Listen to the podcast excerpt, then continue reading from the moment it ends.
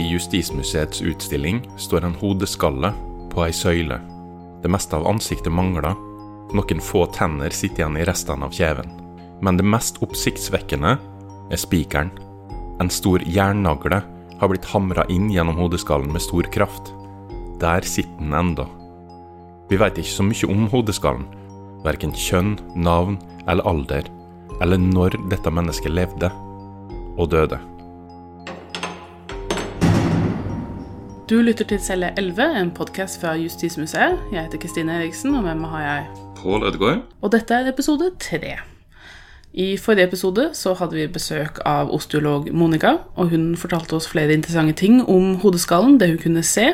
Blant annet så fikk vi vite at hun trodde alderen til personen var mellom 18 og 30 år, at det kanskje var en mann, og at personen har lidd av en benspisende sykdom i ganske lang stund før hendelsen.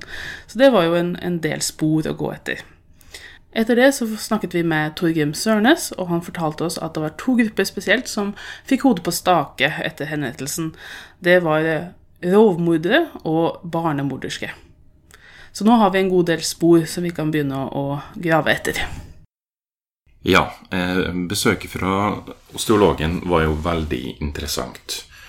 Og sjøl om eh, hun ikke gjorde en formell osteologisk undersøkelse, for det hadde vi jo måttet søkt eh, skjelettutvalget om å få lov til å gjøre, så fikk vi jo en del informasjon ut fra at hun bare kom og fortalte sine første inntrykk av å bare se på hodeskallen. Men når det gjelder spørsmålet om hvem var denne personen Om vi eh, setter på en skala fra 0 til 100, hvor sikker sikre vi er i prosent på at vi veit hvem denne personen er, så er vi fremdeles på null. Ja. Vi har ingen navn å knytte til hodeskallen ennå. Men Torgrim Sørnes han ga oss litt mer òg. Han ga oss nemlig ei liste med mulige navn. For i arbeidet han har gjort med bøkene, der han eh, skriver om de henretta i Norge opp gjennom tiden, så har jo han notert sine navn også fra de tidene han ikke har rukket å skrive om enda. Han har altså funnet navn på folk som har blitt dømt til døden og henretta ute på Fosen, vårt aktuelle område, eh, i den tidsperioden vi ser nærmere på. Og han har vært så snill å dele denne lista med navn med oss, og det er en fin plass å starte når vi skal begynne å gå i arkiver. Ja, for dette her er personer som matcher da disse kriteriene. Så hvis vi skal finne ut hvem denne personen var, så er dette absolutt det mest logiske stedet å begynne. Skal vi se, det er ni navn her på lista jeg har. Blant annet så har vi Paul, en Paul Olsen og Guri Olsdatter som ble dømt til døden. I 1737 står det for incest, altså det som de kalte for blodskam den gangen. Eh, videre så har vi ei som heter Marit Kristoffersdatter Kvernstad, som eh, i 1724 ble henretta for barnemord. Hun kan jo være aktuell for oss, da. Barnemorderske, mm. som Sørnes jo har eh, snakka om. Vi har flere navn som har blitt dømt for den forbrytelsen. Maren Andersdatter, Siri Pedersdatter, Kammen, Anne Katrine Nilsdatter Fevåg og ei som ble dømt for mordbrann her òg, Guri Einarsdatter. Så vi har en del navn å ta med oss nå når vi skal gå til neste steg, nemlig å leite i arkiver for å prøve å komme nærmere hva er navnet på den personen vi leter etter. Ja, og da skal vi se etter nøyaktig hvor de ble henrettet, for vi veit jo hvor funnstedet var. Vi skal se etter alder, og når det gjelder kjønn, så er vi enda litt usikre. Det kan jo være enten mann eller kvinne. Denne listen vi har fått fra Torgrim Sørnes, den har jo da alle som ble funnet i dette området, og i den perioden da de brukte stakesetting. Og disse kandidatene har jo han funnet i arkivet, og det er dit vi også må dra. Ja, men hvis vi bare går i arkiver og setter oss i en lesesal og begynner å gå gjennom bunkevis med gamle dokumenter, da leiter vi litt i blinde, så vi trenger jo veiledning her. Ja, vi må nesten vite hvor vi skal begynne. Vi trenger å vite eh, hva slags dokumenter er det verdt å leite i, og hva kan vi håpe å finne ut der. Hva om vi drar til navet for hele Arkiv-Norge, da? Til Riksarkivet? Ja. Og ber om litt veiledning der. Det høres ut som en morsom tur. Da drar vi. Jeg heter Tor Veidling, og jeg er eh, førstearkivar i Riksarkivet. Det jeg arbeider med, og har arbeidet med i bortimot 30 år, det er eldre arkiver. Fra middelalderen og opp til og med midten av 1800-tallet. Vi spurte Tor hvor det var best å begynne hen hvis den lette i arkivet etter ei 300 år gammel kriminalsak. Det er ikke godt å si hvor han kommer til å begynne, men han bør i hvert fall begynne med rettsprotokollene. Hvis han har funnet opplysninger om uh, når personen er død, eller blitt henrettet, eller hva det er, så har man et inngangspunkt på en, på en, eh, på en bestemt tid. Og hvis man vet hvor det har skjedd, så har man i hvert fall et utgangspunkt for å begynne å lete etter uh, hva er den riktige rettsinstansen å lete i. Om er det uh, tingbøker fra sorenskriveren på Fosen, eller er det på Nordmøre? Dukker det opp et lik, så blir saken meldt til lensmannen. Og det går kanskje til fogden. Og det blir sorenskriveren blir dratt inn i som forberedelse til en rettssak osv. Fra gammel tid så finnes det jo veldig dårlig bevart av lensmannsarkiver, f.eks. Fogdenes eh, arkiver er noe bedre bevart, men det er, det er nok eh, ikke alltid så enkelt å finne der heller. Og de arkivene er jo også av den typen som ikke er lagt ut digitalt. Så hvis de eksisterer, så er det ofte vanskelig å finne fram i. Og det er ikke sikkert at det gir så veldig mye heller. Det er jo egentlig når man kommer først fram til at det blir en rettssak, at det er vanligere å finne eh, beskrivelser. Hvem er personene?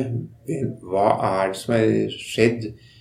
Hvilken eh, rettsparagrafer er det som er overtrådt?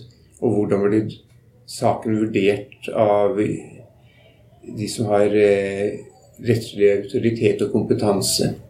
Så da, knytta til den første rettssaka, så er dokumentet en finner, er altså i Det er en tingbok. Det er eh, grunnleggende, egentlig. Det er tingboka.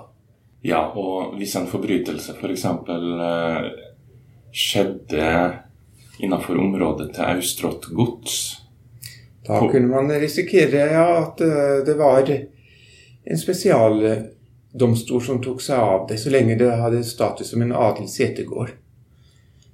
Og der har man et stort problem for eh, de adelen fra 1500- og 1600-tallet. Eh, hadde mulighet for å benytte noe som ble kalt for gårdsretten. Det var en ting som man hadde fra middelalderen, som opprinnelig nok gjaldt for øh, steder hvor kongen var, eller oppholdt seg, eller kongens gårder, kongsgårdene, festninger og sånt noe, som ekspanderte til steder hvor kongens øh, lensherrer var, eller bodde, og etter hvert også hvor adelen befant seg. Og da hadde han mulighet for å ha en helt egen retts Eh, instans på Østerått. Og hadde da kunne nedsette sin egen dommer. Og da har, sånne instanser har man ikke arkiver etter. Og i tillegg så dømte man etter et helt eget lovverk som heter gårdsretten. Og som da var veldig mye strengere enn det vanlige i, i lovbestemmelsene som gjaldt ellers. Så ting som man kunne slippe relativt lett unna hvis man ble dømt av sorenskriveren, det kunne man risikere lange fengselsstraffer eller dødsstraff for hvis du ble dømt etter gårdsretten. Når det gjaldt alvorlige saker, så førte jo de etter lovens bokstav til dødsstraff. Og fra 1735 så kom det bestemmelser om at alle dødsstraffer skulle ankes oppover. De skulle helt til topps i hierarkiet før man kunne eksekvere dommen. Sånn at de sakene ville man kunne, nesten automatisk kunne følge oppover. Hva tror du, da? Har vi mulighet til å løse mysteriet og finne ut hvem denne personen har vært? Det er jo håp.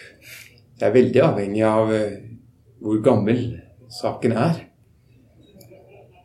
Det er jo bare å håpe på at den er så nær opp mot 1700-tallet som mulig.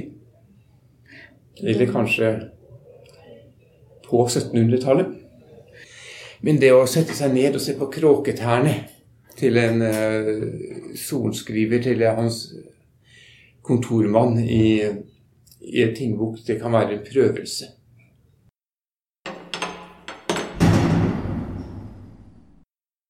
Ja, da er vi tilbake på celle 11, og det var en lærerik tur i Oslo. Men de tingbøkene vi skal se på, de er jo her i Trondheim, på Statsarkivet ute på Dora.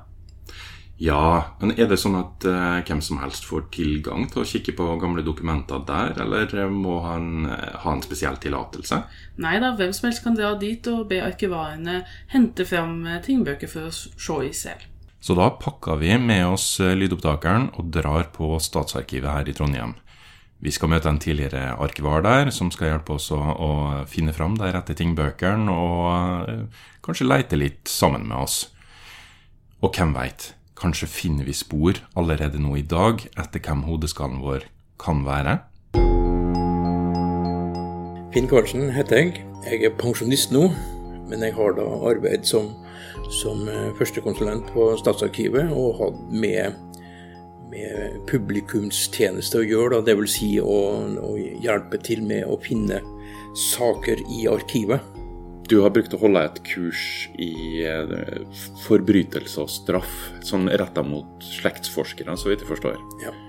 Er det noe som eh, en ofte kommer borti når en eh, leter etter slektninger av noe slags? Det, det, vil vel antageligvis variere litt, men, men, det som er, er at hvis du finner noe, hvis, hvis du har noen som har gjort et eller annet lovbrudd, så er sannsynligheten for at du vil finne mye dokumentasjon, er ganske stor. Og, og dokumentasjon som er veldig beskrivende av både, både, livet til folk, hva de har gjort for noe. Eh, du får gjerne med deg de første forhørene hos lensmannen. Du nevnte det at um, det at hodet var spikra på en stake kunne gi oss noen pekepinner på når det her tidligst skjedde? Ja, i og med at eh, jeg er ganske sikker på at eh, det er Kristian 5.s norske lov som innførte begrepet med at hodet skulle settes på stake. Det bygger vel på sånn mosaisk rettstenkning, eh, tror jeg. Og det vi har tidligere med Kristian 4.s norske lov fra 1604 eller der omkring, og som er, var bare en videreføring av Magnus Lagabøter, så, så, er ikke det nevnt i det hele tatt. Altså det at kvinner som hadde ombrakt sitt foster, skulle dømmes til døden, ja, men ingenting med stake. Det kom først i, med Kristian 5. i 1687. Og, og, og, det er jo noen forbrytelser da som, som kunne ende med det, bl.a. majestetsfornærmelser. Eh, fornærmelse av, av, helligdommen Gud kunne også medføre hodet på stake. Men ellers så var det jo da særlig mynta på løsaktige kvinnfolk, som da hadde ombrakt sitt foster og, og med, med, foster så, så, er jo da ikke nødvendigvis bare det fødte barn. Men, men, hvis man eh, hadde inntatt et eller annet for å få en abort eller et eller annet sånt, så kunne man da òg straffes ut ifra denne bestemmelsen. Det jeg har tatt fram her, er jo det som er Det er jo, det er begynnelsen på 1700-tallet det er, her, er snakk om. Mm. Og, og, og, det er jo noe ifra, ifra sorenskriveren og det er jo i utgangspunktet tingbøkene. Han var jo rettsinstansen på, på denne tida. Fra Kristian eh, 5.s lov, da ble han vel enedommer i, i, i tingretten. Eh, bortsett fra i alvorlige saker, da skulle han ha lagrette eh, med seg. Jeg har også funnet i noen, noen skifteprotokoller Det var ikke noe ofte at det var de som ble dømt, hadde noe etter seg. Men, men, det har jo forekommet at det har vært et skifte i tilknytning til, til, eh, til det her. det var jo det, det, I tillegg til at de skulle miste livet, så skulle de jo miste alt annet òg. Da kan det jo være noe, noe, noe sak på, på, det. Og så er det så har jeg da de første lagtingsprotokollene, eh, som viser da andre, trinnet i, i, det her. Og så har jeg amtmannens eh, kopibøker, som da viser den korrespondansen som har vært eh, gjennom, gjennom amtmannen. Før vi dro til Statsarkivet, så hadde vi på forhånd valgt ut to kandidater fra lista vår, som vi ville undersøke nærmere om i dokumenter. Vi valgte oss eh, saka mot Paul Olsen og Guri Olsdatter, som hadde blitt dømt til døden for blodskam i 1737, ifølge informasjonen vi hadde fått. Vi satt lenge og lette i tingbøkene, side etter side med nesten uleselig skrift. Vi fant det riktige årstallet i rettsdokumenter, men saka mot Paul og Guri dukka ikke opp. Nei, det var ingenting her om uh, saka. Nei. Siden vi ikke fant saka til Paul og Guri, så kikka vi på lista over andre kandidater, og valgte en av dem. Kanskje vi ville ha mer hell med en av de andre sakene. Det var ei som uh, het Anne Katrine Nilsdatter Fevåg, som ble dødsdømt i 1722. Barnemord, halshugging, hode på stake. Hun var på det tidspunktet 32 år gammel.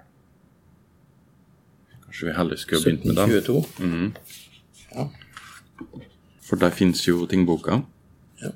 Hun fødte i Dølgsmål 27. mai. Hun ble dømt i Fosen tingrett 25. juli 1722. ja. Da har du tidspunktet ganske så nært. Da har du tingboka. Og der hadde du jo datoen for Det har vi. Nok en gang satt vi konsentrert og bladde fra side til side i tingbøkene.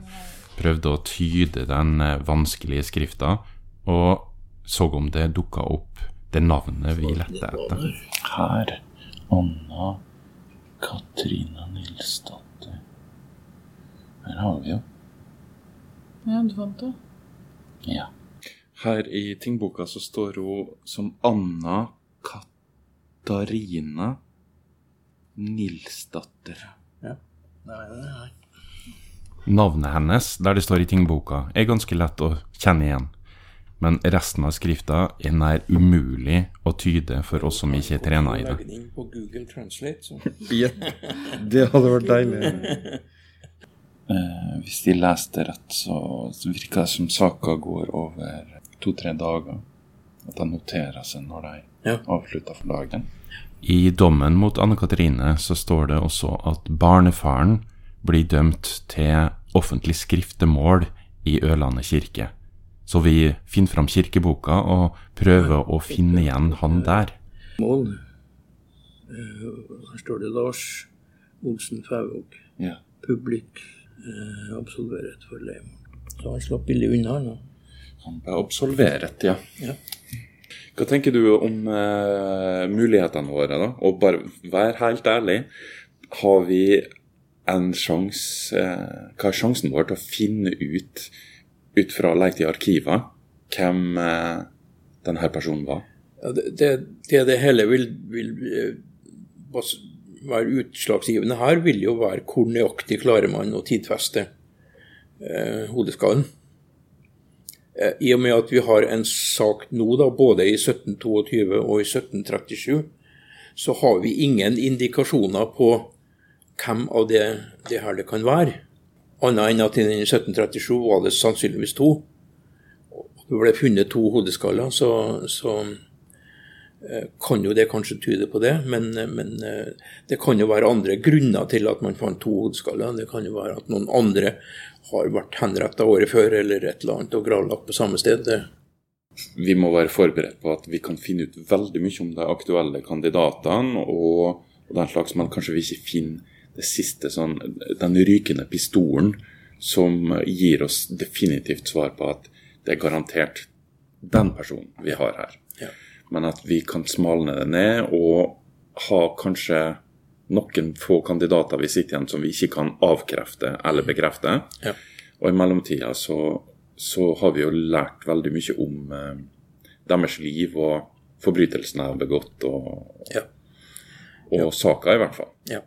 Ja. Hvis, hvis du får transkribert eh, i hvert fall den fra 1722, den, den, den eh, dommen som så ut som den i, eh, i tingboka var ganske omfattende, så vil jeg jo tro at ut ifra den så får du en veldig grundig beskrivelse om hva retten mente har skjedd. Celledøra lukka seg nok en gang. Vi er tilbake fra Statsarkivet. Og vi er jo litt klokere nå. Ja, det var jo veldig spennende å kunne se den gamle skriften og disse gamle navnene stå frem. Men jeg kunne ikke lese så veldig mye mer enn det. Nei, der har vi jo et problem. Vi er rett og slett ikke drevne nok i å lese gammel håndskrift til å kunne gjøre det nødvendige arbeidet. Vi trenger rett og slett eh, noen til å hjelpe oss. Vi trenger en arkivdetektiv Ja. som kan etterforske for oss. Vi spurte jo om, om tips på Statsarkivet, da, om det er noen som kan være egnet til å hjelpe oss. Da fikk vi et navn, en person vi kunne kontakte som eh, de bruker masse til den slags eh, arbeid i arkivene. Den personen har takka ja, og vi hadde jo veldig lyst til å, å intervjue han eller hun om arbeidet han gjorde. Men hva svar fikk vi da? Nei, han ville forbli anonym. Ja, det hørtes jo veldig mystisk ut. Men han eh, likte ikke å bli intervjua. Rett og slett. Så da stola vi på vår navnløse arkivdetektiv når det gjelder det her med å spore opp kandidatene i tingbøkene. Men det var jo mange kandidater. Ja, det var jo en lang liste, og det ville jo tatt veldig lang tid hvis han skulle gå gjennom alle de. Så vi må jo være litt strengere på hva vi sender han. Sant? Og da er det rett og slett at vi eh, ser om vi kan eliminere noen av kandidatene før vi sender en liten liste med navn til han. Og når jeg har sett på Vi har gått gjennom den lista her, så har vi jo bl.a. funnet ut at eh, navn nummer seks på den lista vi fikk, det var ei Guri Einarsdatter, som i 1753 ble halshogd og fikk hodet på stake for eh, mordbrann. Der eh, kroppen hennes ble faktisk brent, da. For det var en del av straffa for det her med mordbrann, visstnok. Eh, men så står det at henrettelsen har foregått på en gård som heter Skipnes. Og etter litt undersøkelse så fant vi ut at det er i Åfjord og ikke på Ørlandet. Dermed så kan det jo ikke være Guri Einarsdatters hodeskalle vi snakker om. Da kunne vi eliminere ett navn. Det var et annet navn her, som var Maren Siversdatter Flatnes, som ble dødsdømt for incest, altså blodskam med sin stefar. Hun var 17 år når hun ble dømt for det her i 1730. Hun ble halshogd, men det ser ut til, når vi eh, ser litt nærmere på informasjonen, at hodet ikke ble spikra opp. Så altså, hun ble faktisk benåda, da. Eh, har Torgrim Sørnes funnet ut. Fra det at hodet skulle på stake, til at, uh, hodet skulle få begraves sammen med kroppen. Ja, så heldig hun var.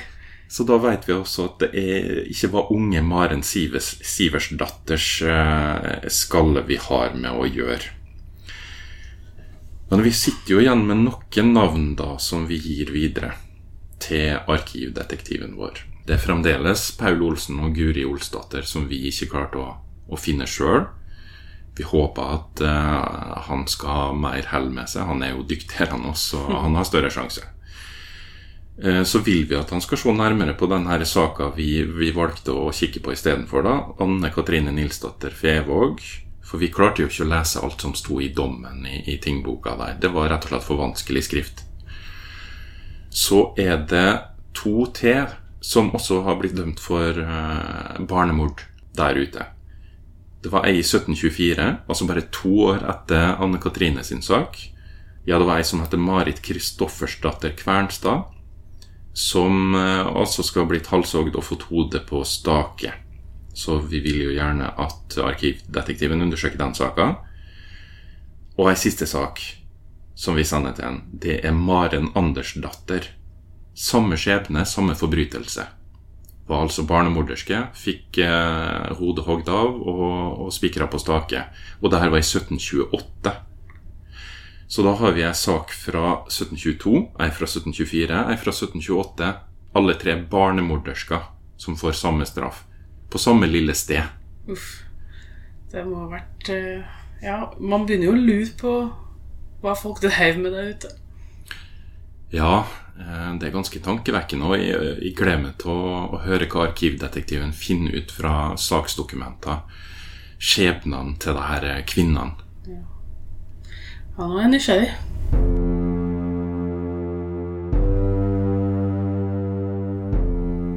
Vi har jo sendt informasjonen til arkivdetektiven, og vi fikk svar veldig kjapt eh, med masse informasjon. Altså her står det f.eks. det at eh, jeg tror nesten vi må spare det til en ekstra episode, for det her ser ut som det blir veldig mye informasjon, og jeg vil gjerne gå i detaljene her, altså. Ja, for her er det virkelig mange kraftige detaljer, altså. Og eh, det kan godt hende at en av de kandidatene her rett og slett er vår hodeskalle. Det får vi høre mer om eh, neste gang, da. Celle 11 er en podkast fra Justismuseet, produsert av Pål Ødegaard og Kristine Eriksen, med støtte ifra Fritt Ord. Vil du vite mer, kan du følge Celle 11 på Facebook eller gå inn på justismuseet.no.